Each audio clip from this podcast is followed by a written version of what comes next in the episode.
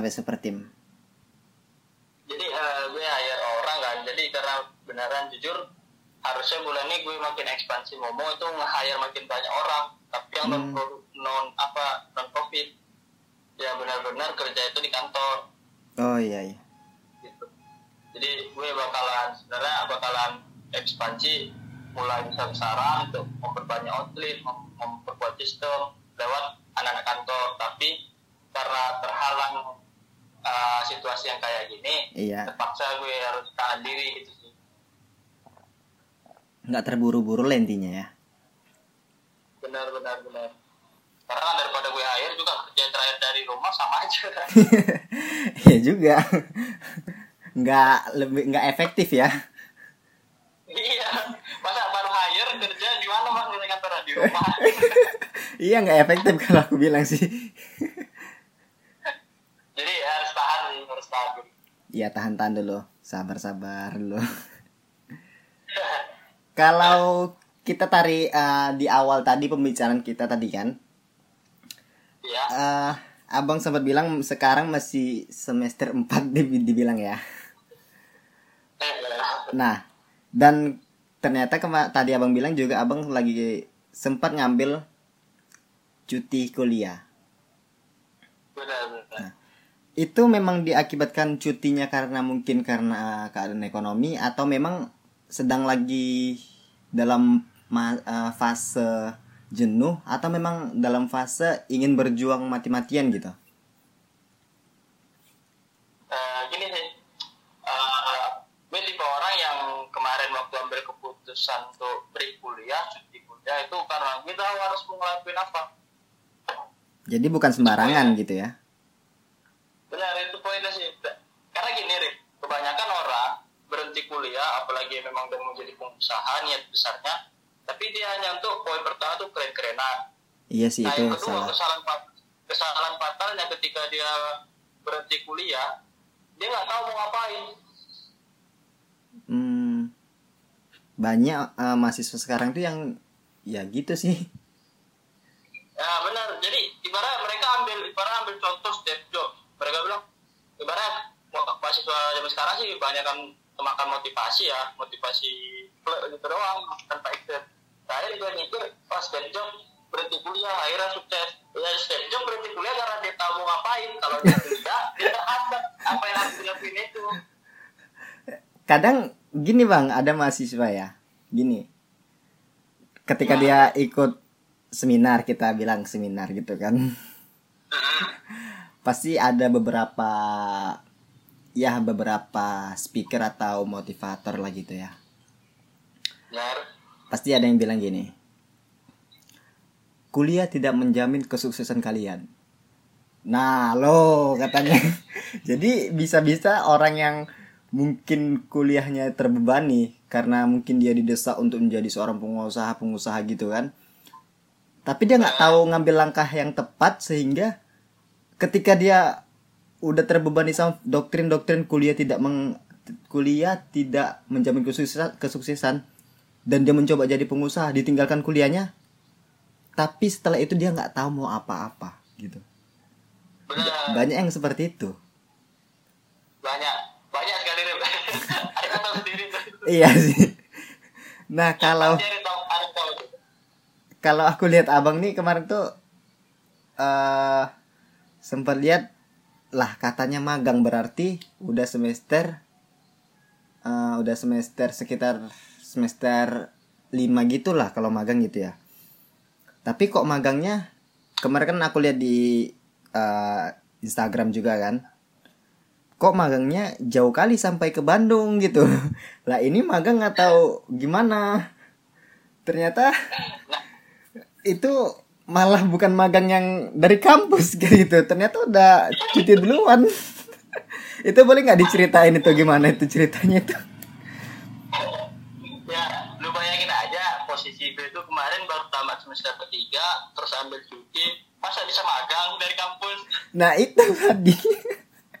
Ceritain dong ceritain itu gimana ceritanya Oke, oke, oke.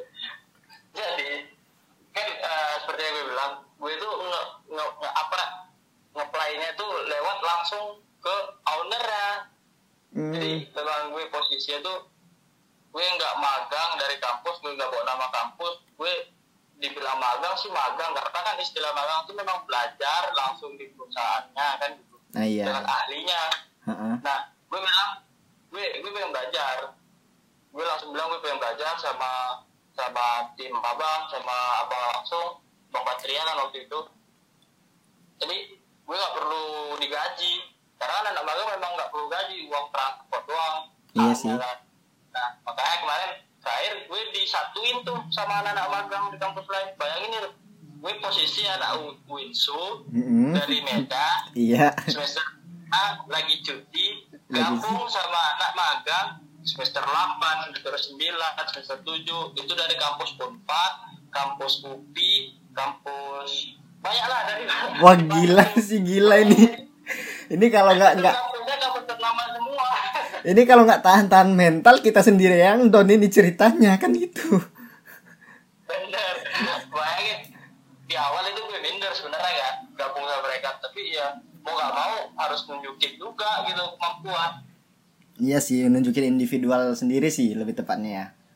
benar benar benar karena kita disatuin sama orang-orang yang memang levelnya di atas kita waktu itu kan. Jadi sekalian ngetes mental juga lah ceritanya ya bang ya. benar. Kalau tes mental mah banyak. Dari dari segitu apalagi terus diasah dari segi pribadi sama bang Patria banyak lah. Hmm, Iya iya. Nah kalau menurut abang nih, ah, abang kan ah, udah pernah menjalani ah, perkuliahan dan sekarang lagi bergelut di bidang usaha. Nah Hmm. pasti udah banyak pengalaman yang mungkin abang udah jalani gitu kan.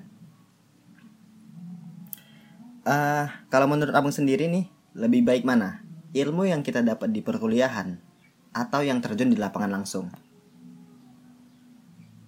Nah, kalau pertanyaan seperti itu sih tergantung dari sisi apa kita ngejawabnya.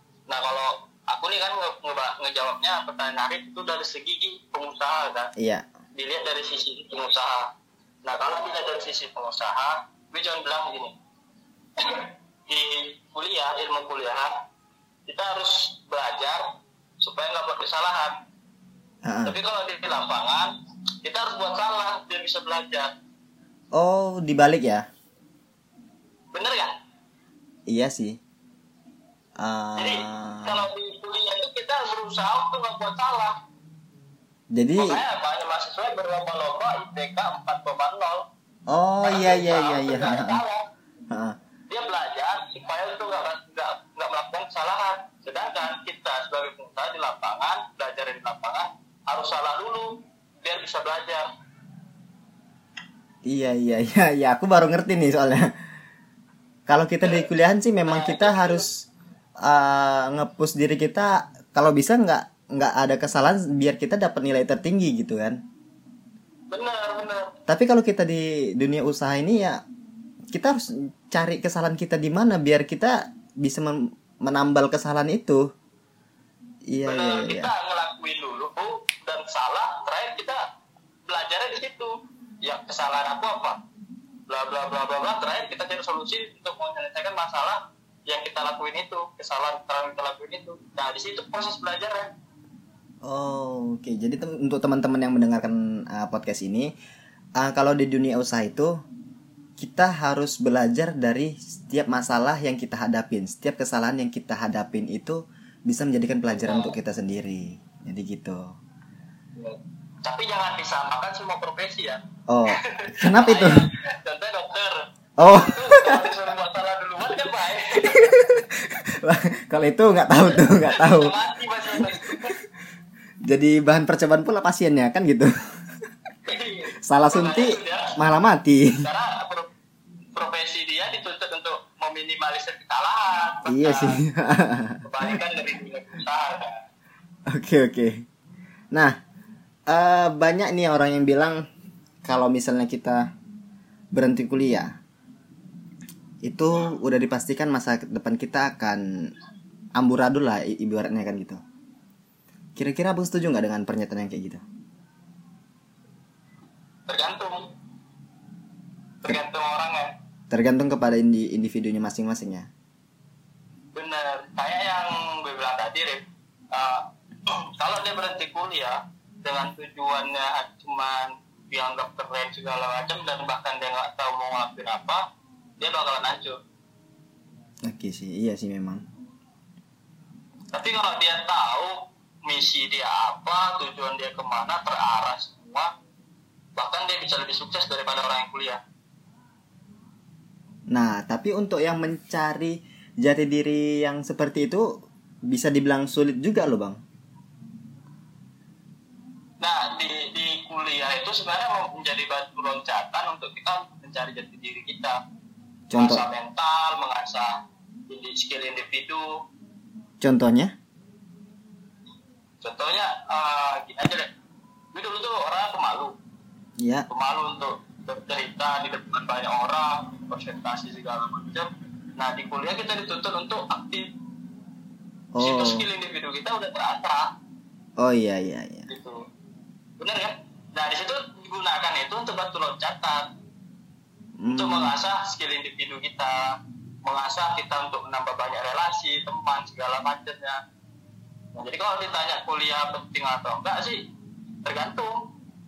Kalau kuliah kita hanya sebatas belajar dan di kelas sudah setelah itu pulang itu tidak terlalu mempengaruhi dengan skill individu kita, mempengaruhi jati diri kita segala macamnya.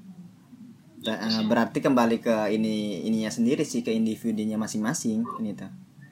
Benar-benar. tapi ya seperti yang aku bilang di awal tadi kaum rebahan nih. Nah mahasiswa sekarang nih bang. Percaya atau enggak kalau kita survei hampir 75% itu kaum rebahan loh. Iya enggak? Ngakunya abis pulang kuliah capek males mager akhirnya rebahan nah tanggapan abang mengenai mental mahasiswa yang sekarang ini gimana coba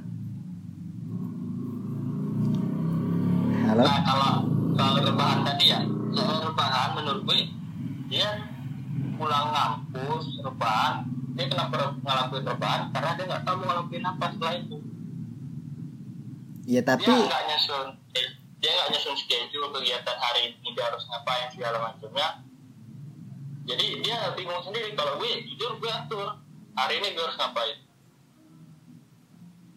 oh jadi semua terjadwal gitu ya Nah, iya benar. Jadi kalau nggak ada jadwal, nah di situ gue rebahan dari inspirasi. tapi kalau tanggapan abang sendiri Gue harus ngapain? Gue rebahan karena gue harus mikir gue harus ngapain selanjutnya. oh jadi ibaratnya hidupnya itu udah tersusun sampai dengan tujuannya yang akan dicapai gitu ya Benar, benar, benar. Jadi kalau masalah ditanya mental ya, mental mahasiswa sekarang, eh, gini deh, abang balik kan bertanya, menurut Arif gimana sih sebagai ibarat yang udah jadi mahasiswa macam, karena abang kan ibarat udah tercampur nih dengan kegiatan-kegiatan usaha abang. Nah, Kalau murni sebagai mahasiswa, gimana menurut Arif melihatnya? Kalau aku sendiri sih mungkin aku 50% kaum rebahan dan 50% kaum yang nggak bisa diem di tempat. Iya, kalau aku kalau aku sendiri bang, eh jujur aku punya kos kosan, aku mesti ngekos ya di Medan ya. Tapi aku nggak pernah di kos. Oh, Iya, aku orangnya melala aja entah ke mana entah itu ya mungkin k- eh, buat konten gitu atau mungkin ya cari apa yang bisa dijadikan uang gitu kalau aku sih Nah, ya nah, itu tipe tipe Arif itu kayak gitu nyari inspirasi itu di luar. iya banyak kalau aku main, gitu banyak jalan, itu Ha-ha. nyari inspirasi tipe Arif itu. karena kalau rebahan dengan jujur kalau aku apa gitu. oh iya ya beda ya setiap orang beda ya Ya, punya jalan masing-masing gimana caranya dapat inspirasi. Ada orang yang mau yang ngelamun, ada yang harus orang harus banyak ngeliat, banyak jalan. Ada yang orang cuma pantengin sosmed, scroll-scroll Instagram bisa dapat ide. oh, masing-masing berarti tipe orang ya motivasi tinggal Kalau- temuin aja sih kita eh, enjoynya tuh nyari inspirasi nyari kegiatan tuh dari segi yang kayak mana sih Nah, berarti kalau aku sendiri sih nyari inspirasinya ya itu tadi. Ah, lari ke sana ke sini lah intinya gitu. benar benar benar Kalau abang- lihat intinya harus Ah. banyak lihat baru dapat inspirasi Kalau Abang tadi ah, melalui rebahan tadi ya. ya rebahan melamun Tiba-tiba mau masuk gitu idenya. Nah, ah, tapi kalau aku lihat juga perhatikan ya bisa dibilang beberapa persen mahasiswa juga ah, lagi pada sibuk untuk membangun usaha nih bang. Ya. Ah, tapi ada alasan beberapa mahasiswa yang mengatakan gini. Saya kuliah di kampus negeri, ya, di mana jadwal itu padatnya bukan main udah jadwal padat kemudian ditambah dengan tugas tugas yang menumpuk nah benar kalau untuk kalau untuk membuka suatu usaha dia akan melontarkan perkat- eh, pertanyaan yang gini. Apa masih bisa aku membagi waktuku antara kuliah sama usaha? Kalau dari abang sendiri waktu abang merintis eh, usaha ngecip dulu sampai sekarang waktu abang kuliah itu ada halangan nggak sih kalau kita kalau kita kuliah di universitas negeri itu membangun usaha itu ada kendala nggak sih dalam pembagian waktunya? Nah masalah kendala kuliah atau usaha ya. Jadi waktu menjalani bersamaan itu kendala yang paling terasa itu satu tugas. Tugas itu ya? bikin jadi hambatan untuk orang-orang yang lagi ibarat nggak usah nggak usah kan kita lagi usaha kerja lah ibarat. Dia Hmm. pulang kampus itu harus kerja. Sedangkan di rumah ibarat dia pulang kampus udah ditunggu sama tugas. Iya sih aku Iya. aku juga merasakan Jadi, itu hambatan, hambatan, hambatan pertamanya itu ya tugas iya sih aku juga merasakan itu soalnya Nah, kalau kalau kalau kalau eh, masalah masuk kelas itu sih tinggal kondisional masing-masing aja. Tapi yang bikin memang benar-benar kerasa itu tugas. Karena kita udah ngeset waktu kita tuh pulang kuliah kita harus cari uang gitu dari segi kerja atau dari segi usaha. Sedangkan dosen-dosen atau mata kuliah lain kan harus udah ada tugas yang menanti kita di rumah atau di kos. Nah itu jadi hambatan. iya sih apalagi misal misalnya kita kuliah itu 9 mata kuliah dan setiap dosen itu mengasihkan tugas berarti ada 9 tugas dan itu minggu depan harus dikumpul itu itu lumayan stres juga sih bang kalau menurut aku Bener, bener. jadi jadi beban sih yang kayak kita gini harus punya kegiatan yang punya kegiatan setelah kampus. Jadi kan kalau abang sih mikirnya gini ada dua tipe orang. Yang satu sukses di salah satunya yang satu ya itu su- bisa sukses keduanya. Nah contohnya di gini. Kalau kalau jujur kalau abang itu eh, sukses di salah satu. Kenapa gitu? Nggak eh, nggak bisa fokus orangnya. Iya sih. Eh maksudnya maksudnya gini pak sorry. Nggak bisa nggak bisa ngejalani keduanya harus fokus Eh, ya karena aku juga pernah dengar ini ya kata-kata motivasi juga. Eh, kalau misalnya kita itu nggak bisa menangkap dua kelinci dalam satu kali eh, tangkapan gitu. Benar sih. Tapi tapi gini ada orang yang dia dari ini kita bicara dari segi pengusaha dia Iya. sukses di bidang usahanya dan tapi sukses juga di bidang perkuliahannya di kampusnya itu dia benar-benar juga sukses. Siapa itu? Kalau kita lihat eh, kalau Arif tahu biasa Singgi oh iya dia benar-benar sukses di di kampus. Bahkan S2-nya juga dia mendapatkan penghargaan-penghargaan yang luar biasa di kampusnya. Tapi Dan- di bisnisnya juga melesat lebih tinggi. Nah dia tuh tipe orang yang benar-benar tipsnya itu satu disiplin waktu nah beda sama gue yang orangnya tuh harus benar-benar fokus. Nah tipsnya orang kayak gue ini cuma satu tentukan prioritasnya. Jadi jujur kalau disuruh milih nih kampus atau eh, bisnis gue gue harus milih bisnis. Jadi nanti ketika ada kelas dan gue kegiatan di bisnis gue masuk. Tapi kalau ada bentrok nih ketika ada kegiatan di usaha ada kegiatan di di kampus gue gue bakal tinggalkan kegiatan yang kampus gue bakal datengin kegiatan yang usaha. Jadi gue punya prioritasnya. Oh iya iya. Berarti salah satu kendala mahasiswa sekarang untuk membangun bisnis itu ya tadi yang tugas tadi itu ya. ya ya Kalau masalah- prioritas ya dia mau mau ngejalanin yang mana nih yang paling utama karena kalau nggak ada prioritas bisa hancur dua-duanya bahkan Iya sih, jadi nggak ada yang terfokus harus diseriusin yang mana gitu ya.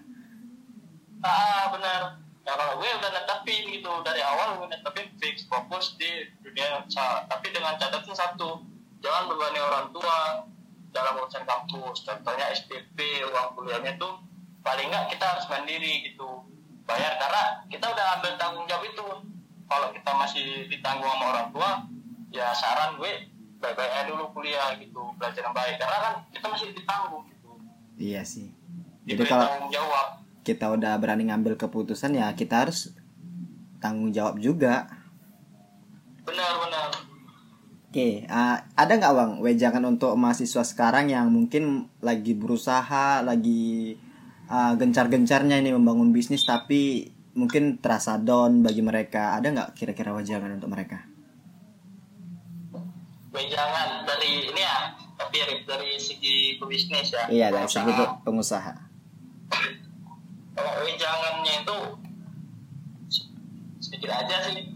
Yang penting jangan terlalu baku atau mentok gitu. Sama mengang- menganggap ilmu di perkuliahan itu udah cukup. Oke, jadi kita tuh sebagai mahasiswa kalau benar-benar mau menggeluti dunia usaha jangan jangan mentok menganggap bahwa ilmu di perkuliahan itu cukup jadi harus belajar di lapangan juga yang kayak kita bicarakan sebelumnya harus coba gagal coba gagal belajar temuin mentor datengin kalau bisa bahkan mentor-mentor yang kita udah jadikan mentor tadi dan jadikan jadikan kuliah tadi itu cuma batu loncatan untuk nyari relasi skill mengasah skill individu itu sih mengasah mental iya sih, oke oke oke. Jadi coba hal-hal baru dan kalau bisa belajar dari hal-hal baru ya. Benar Oke. intinya jangan mentok di perkuliahan doang Nama bang kembali lagi ke Momo nih bang. Ini kan Oke. dalam situasi COVID-19 ya, di mana kita eh, ada himbauan untuk social di- distancing. Iya. benar-benar Momo masih buka nggak sampai saat ini? alhamdulillah masih Oh, berarti Momo eh, sekarang ini masih tetap berjalan seperti biasa ya? masih masih tinggal uh, ada yang satu outlet itu di Deni kita udah dapat peringatan cuman disuruh rubah jam tutupnya aja sih dipercepat Oh, untuk jam tutupnya sampai jam berapa kalau malam? kalau untuk di outlet Dena itu kita dianjurkan untuk jam 9 udah tutup Oh, karena kan gini kita masih diperbolehkan buka karena sistem uh, Momo itu kan take away. Iya. beli baru bawa pulang. Nah yang nggak dibolehin sekarang ini yang kita tahu tuh yang nongkrong tempat-tempat nongkrong. Itu kafe-kafe. Kayak itu yang itu yang nggak diperbolehkan. Kalau kita alhamdulillah masih diperbolehkan untuk jalan sih untuk buka Oh, berarti sistem Momo yang menggunakan sistem take away itu sangat menguntungkan juga bagi Momo sendiri ya berarti ya. benar-benar sebenarnya nggak di era covid ya. Dari awal udah konsep momo itu harus take away. Nggak harus sih di, dianjurkan take away. Kenapa? Karena mengingat modal yang terbatas nih. Oh, karena iya, kita iya. buat jam dia nongkrong kita perlu modal banyak kan bisa contohnya kursi sama meja sepaket paling nggak minimal ada wifi dan segala macamnya kan Mm, mm, mm. Iya Lap- sih. lapaknya juga harus luas, lightingnya juga harus terang. Jadi banyak makin banyak bebannya sih. Sedangkan yang kita jual itu cuma minuman. Bisa aja nanti orang yang duduk itu beli yang Thai lima ribu, dia bisa 8 jam juga. Kita yang tekor. kan gitu. Iya.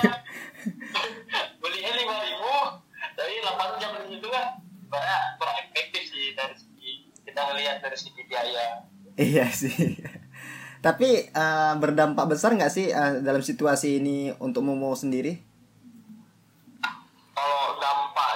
bilang sih uh, kalau dari segi penjualan itu mulai terasa tapi yang paling terasa tuh di outlet pancing mesti ya di puasa karena kan Oh. di situ daerah itu kan mayoritas anak kuliah sedangkan anak kuliah diliburkan semua otomatis uh, yang tinggal di situ udah menurun kan pada pulang kampung semua segala Mhm. macam jadi otomatis semua kena bukan hanya kita sih pasti penjual-penjual lain bahkan driver ojol itu udah pada ngeluh semua pasti itu mulai kerasa perekonomian di situ mulai Tapi padahal di outlet pancing itu itu yang paling rame loh. Kalau menurut Nah, aku. Oh, bukan ya? Kalau yang paling rame itu di mana? Di di, outlet tembung Tembung ya? hmm. Berarti peci- pecinta momo ini lebih banyak di daerah Tembung nih. mungkin orangnya haus semua Ah, kalau masalah tadi abang bilang kan udah mulai berdampak ya kalau di daerah pancing ya untuk penjualan. benar tapi bukan dari segi penjualan aja deh dari segi bahan baku juga kita ngerasa dampaknya. Kenapa? Karena bahan baku kita ada beberapa yang diambil dari luar pulau. Oh, oh pengiriman pengirimannya di ini ya? benar. Sedangkan ekspedisi itu banyak yang menyetop atau memberhentikan perjalanan antar pulau. Hmm. jadi mereka hanya menerima yang dalam pulau doang. Untuk beda pulau mereka stop dulu. Jadi kita terhambat sih untuk bahan baku. Paling PR kita besar PR besar kita saat ini ya itu mengu- mengurus bahan baku supaya tetap stoknya tuh ready terus di gudang Jadi kalau misalnya dalam situasi gini tuh cara abang mengatur manajemen keuangan, penjualan dan lain-lainnya itu gimana? Apakah ada perubahan atau gimana gitu strateginya sampai bisa bertahan Pasti sampai ini? pasti ada perubahan nah yang paling penting eh gue harus kita tuh harus ini sih tetap menjaga arus kas momo itu positif terus. Hmm. sebenarnya gini kalau di era covid ini sebenarnya gue bisa tutup. Momo tuh bisa aja tutup supaya semuanya ya, social distancingnya benar-benar maksimal. Iya. jadi gue mikir balik lagi ke karyawan gitu. Bayangin aja gue punya karyawan hampir 20 orang kalau gue stop momo otomatis pendapatan mereka nggak ada yang posisi stopnya apa situasi yang corona ini belum tahu sampai kapan. Bahkan kalau dengar-dengar peraturan pemerintah menyatakan bahwa sampai lebaran nanti hashtag di rumah aja tuh masih berlaku gitu. Oh, itu sangat pengaruhnya besar kali ya untuk Momo sendiri ya pastinya. bener nah kalau dari segi pribadi gue ibarat gue ibarat punya safe money kan dana darurat segala macam tapi bayarnya dengan karyawan-karyawan Iya Kan sih. kesian gitu yang benar mereka terakhir kan nggak punya pendapatan. Kan gue pikir gue harus pokoknya harus strategi gue harus pas harus positif. Gimana caranya biar bisa bayar lapak gimana gimana cara supaya biar bisa gaji karyawan itu doang. Ah, kalau untuk karyawan sendiri bang atau untuk outlet-outlet Momo sendiri dengan adanya wabah kayak gini itu SOP-nya sesuai standar atau ada yang lebih safety lagi abang buat? Ada. kalau di awal kan kita SOP ada Ha-ha. tapi diperketat di era di situasi seperti ini kan contohnya kita itu perlakukan hand sanitizer itu kita sediain bahkan untuk customer driver ojol itu diperbolehkan pakai Dan- dan itu gratis? juga, uh, kita sediain sarung tangan sarung Hmm. tangan yang karet bukan plastik kan sarung tangan. Itu untuk mempermudah mereka juga. Nah terus uh, di situ kan itu juga ada stampol kan jadi di, di SOP kan untuk sering-sering rajin cuci tangan. Oh iya. terus kita eh, yang harusnya ibaratnya dua minggu sekali ke- kebersihan outlet skala besar jadi diperbanyak seminggu bahkan sampai dua kali. Itu sih. Lebih diperketat untuk Iya, hanya untuk SOP-nya ya. aja. Nah, untuk abang sendiri ini kan sebagai pandangan abang eh, sebagai pengusaha nih. Kan dengan adanya wabah seperti ini itu banyak orang-orang yang memanfaatkan peluang yang kalau bisa kita bilang itu caranya itu nggak normal nah itu tanggapan abang gimana Kalau tanggapan selama dia masih ikut aturan main dari pemerintah ataupun dari segi agama itu sah sah aja. Karena, karena gini bahkan ditekankan untuk para pengusaha intinya yang kayak gue bilang tadi Hmm. harus kas perusahaan harus positif. Walaupun yang ibarat Arif bilang ibarat di luar batas normal ya. Iya. Contoh nih abang jualan momo tiba-tiba momo ibarat Arif disuruh stop dan situasi makin gawat abang bisa aja beralih jual sanitizer Mm-mm. jual masker jual sarung tangan. Intinya keuntungan tadi abang gunakan untuk mempertahankan karyawan. Karena paling penting karyawan itu ibaratnya seperti kasih sih. Kita Iya. nggak boleh main putus-putus aja. Oh iya iya iya.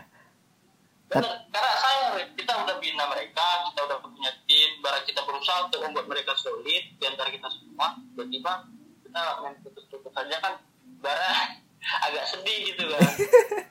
iya sih. Tapi kalau yang mereka ada yang menjual misalnya di atas harga wajar itu mesti gimana? Nah, beda kasus. Kalau dia gini, Rip, dia kenapa? Eh, kalau kita kan anak ekonomi kan ngelihat itu ada kenapa harga melonjak tinggi? Karena permintaan lebih besar iya permintaan lebih besar. Nah, jadi bisa aja mereka jual harga tinggi. Kenapa? Karena memang supplier mereka dapat itu udah pada harga modalnya itu udah tinggi luar. hmm, Nah, tapi kalau kita memang benar-benar masih bisa di, dianjurkan untuk mendapatkan untung sewajarnya, bukan sedikit, tapi sewajarnya. sewajarnya ya Sewajarnya itu ya kondisional sih relatif kan angkanya. Se- tapi sewajarnya ya Sewajarnya. bukan sekurang ajarnya gitu ada- ya ada kurang ajar. iya soalnya ada. banyak gitu. Ah, di mana waktu belum ada wabah ini masker masih seribu masih dua ribu nih dijual dengan harga lima belas ribu gitu. Itu udah bukan sewajarnya tapi itu sekurang ajarnya bang. Kan gitu. Kalau dia lebih kurang ajar dia udah jual masker bekas harga gila. Kurang ajar. Ada ya yang jual mas- ma- masker bekas bekas ya? Banyak banyak yang serius ada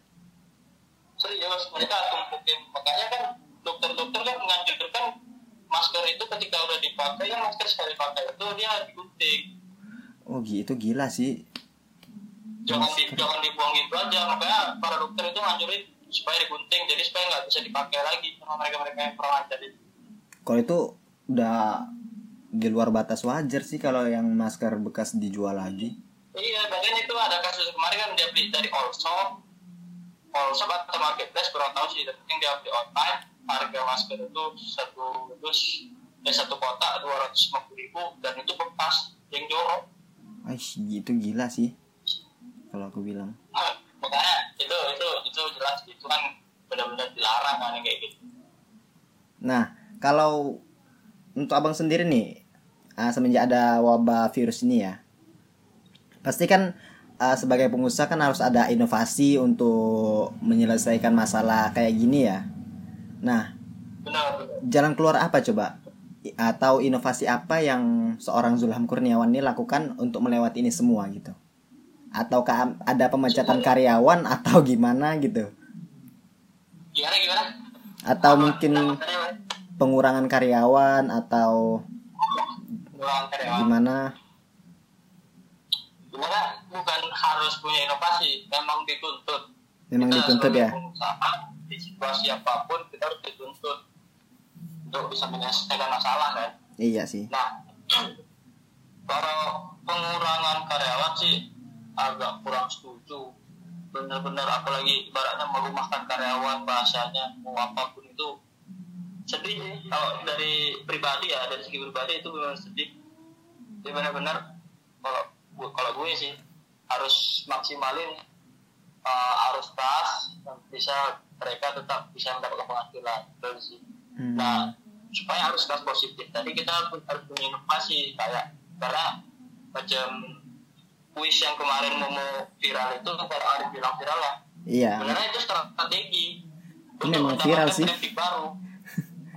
It- itu memang it- itu- strategi, strategi gue supaya mau dapat traffic baru. Kenapa? Karena traffic lama kan ibaratnya misalnya contoh di pancing. Traffic lamanya yang pembeli-pembeli rutinnya itu yang biasa beli pelanggan biasa mereka pulang kampung semua nah artinya gue harus cari traffic baru yang memang masih di situ posisinya dan dia kemungkinan besar untuk beli itu Oh, caranya gitu ya. Cara gue salah satunya Oh.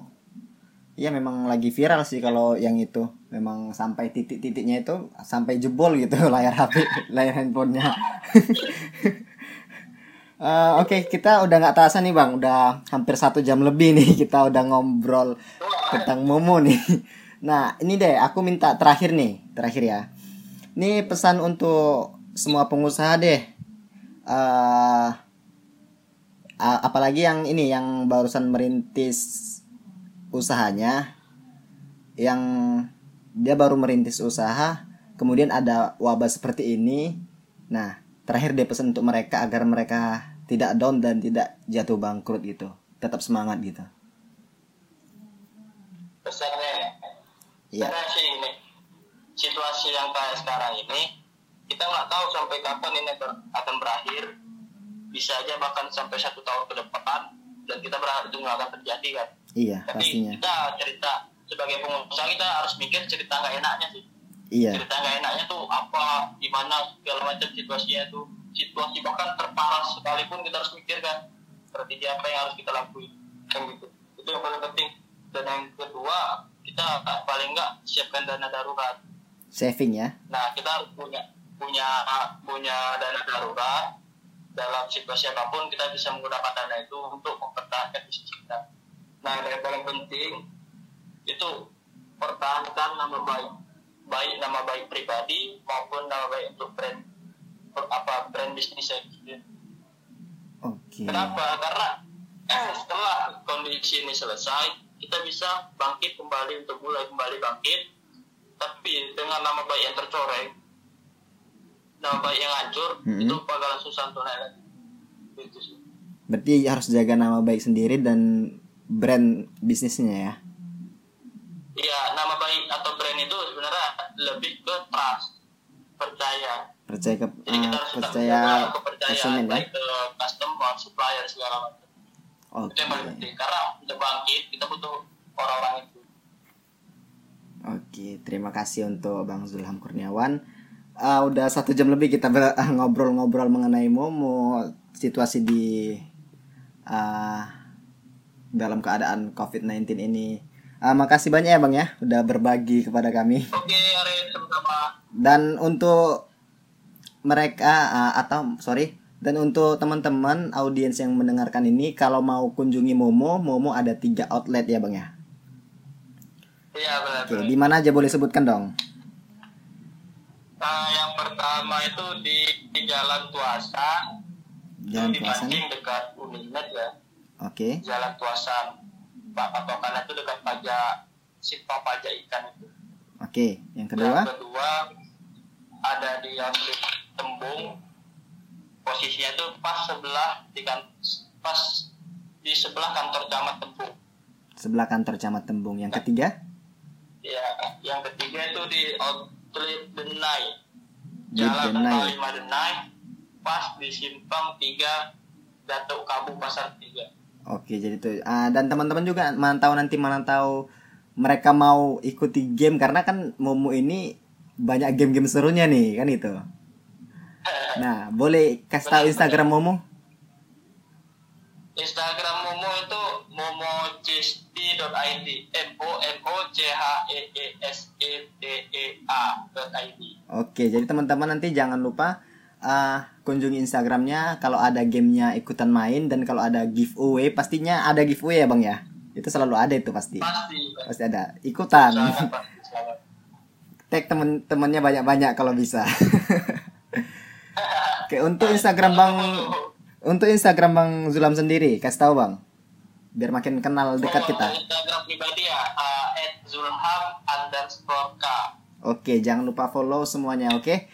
Ah, terima kasih banyak ya Bang Zulham ya. sama-sama Rin Oke, Assalamualaikum warahmatullahi wabarakatuh. Waalaikumsalam Ah, oke teman-teman semua, kita udah berbincang-bincang banyak mengenai perjalanan hidup seorang Zulham Kurniawan sampai kita bongkar bedah Momo Cheese ini yang belakangan ini viral. Nah, Mungkin sampai sekian aja di podcast kita kali ini podcast inspiration. Uh, saya Arif Ramadan. Terima kasih telah mendengarkan podcast ini. Semoga kalian dapat pengalaman baru dalam kehidupan nyata kalian dan bukan cuma halusinasi saja. Jangan jangan lupa untuk ikuti terus podcast ini.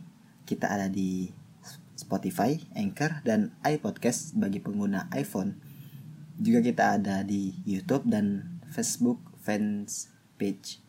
Sampai bertemu di episode selanjutnya. See you. Selamat jumpa.